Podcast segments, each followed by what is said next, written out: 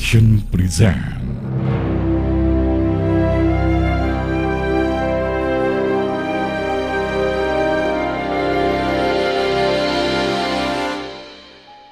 Assalamualaikum warahmatullahi wabarakatuh. Halo adik-adik, apa kabar semuanya? Bertemu lagi sama Kak Yaya dalam podcast Cerita Nabi. Adik-adik tahu tidak bahwa surga itu ada di telapak kaki ibu. Jadi kita harus terus hormat dan patuh kepada ibu ya. Dan tentunya kita juga harus menghormati ayah kita kita doakan agar mereka selalu diberikan kesehatan dan keselamatan di dunia maupun di akhirat.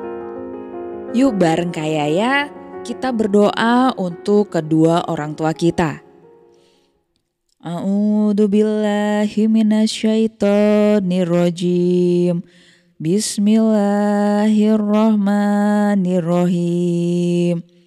Rabbik firli wali walidayya warhamhuma kama rabbayani sawiro. Sodakallahul azim.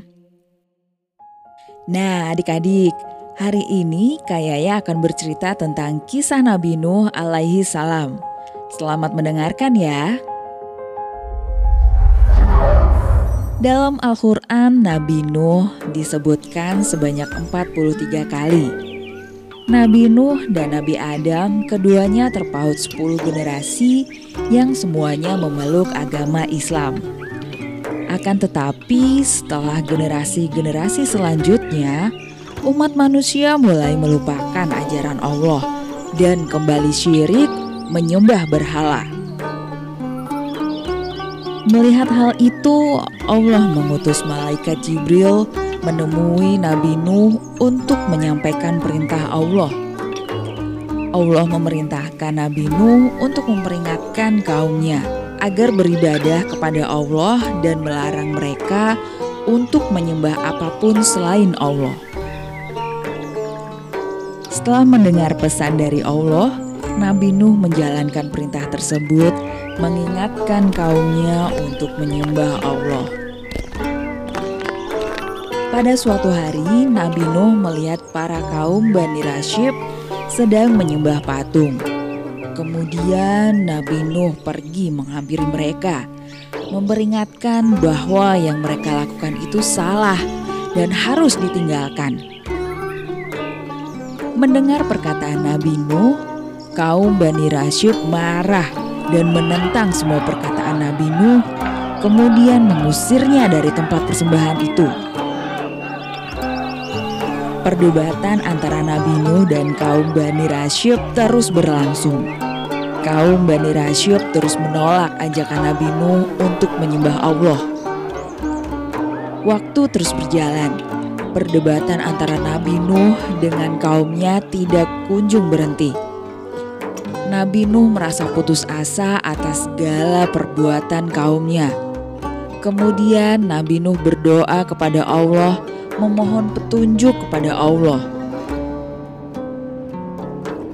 Lalu Nabi Nuh mendapatkan petunjuk dari Allah, memerintahnya untuk menanam pohon sebagai bahan dasar pembuatan kapal. Setelah pohon-pohon itu tumbuh tinggi, Nabi Nuh bersama pengikutnya menebang pohon-pohon tersebut dan kemudian membuat kapal besar yang belum pernah ada sebelumnya dan juga tidak akan ada kapal sebesar itu setelahnya. Melihat Nabi Nuh dan pengikutnya, kaum Bani Rasyu pun mencibir apa yang dikerjakan oleh Nabi Nuh beserta pengikutnya. Hei Nuh, kau bilang bahwa kau adalah nabi. Kenapa kau sekarang menjadi tukang kayu dan membuat kapal? Mendengar hal itu, Nabi Nuh tidak marah sama sekali. Seiring berjalannya waktu, kapal Nabi Nuh pun akhirnya jadi. Kemudian Allah mengutus Nabi Nuh untuk memuat semua hewan berpasangan, bahan-bahan makanan, dan juga mengangkut seluruh keluarganya. Akan tetapi, tidak dengan mereka yang ingkar terhadap Allah. Setelah semua pengikutnya berada di atas kapal, semua orang berdoa meminta perlindungan kepada Allah. Atas kehendak Allah, kapal yang dinaiki oleh Nabi Nuh dan pengikutnya pun mulai bergerak. Allah membawa mereka ke dalam gelombang dan tak lama setelah itu Allah mengirim hujan yang sangat deras dari langit. Kaum Bani Rasy pun berhamburan ketakutan akan hujan deras yang turun menimpa wilayah mereka. Tolong, tolong kami, bawa kami bersamamu Nuh, tolong kami. Hujan deras terus-menerus turun menutupi puncak gunung tertinggi. Air yang menutupi seluruh permukaan bumi, menutup lembah serta bukit dan tak satu pun makhluk hidup tersisa. Dari atas kapalnya, Nabi Nuh melihat Kanan, anaknya terombang ambing oleh banjir. Kemudian Nabi Nuh memanggilnya. Kanan adalah salah satu anak Nabi Nuh yang juga seorang syirik. Nabi Nuh mengajaknya agar ikut naik ke atas kapal. Akan tetapi Kanan menolaknya, tidak mau mengikuti ayahnya. Aku tidak mau ikut denganmu ayah.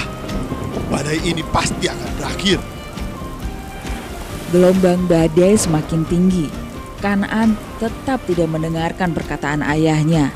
Dan akhirnya ia pun ikut tenggelam di tengah-tengah badai tersebut. Setelah beberapa saat, air di muka bumi menyusut permukaan bumi itu dapat digunakan berjalan dan menetap.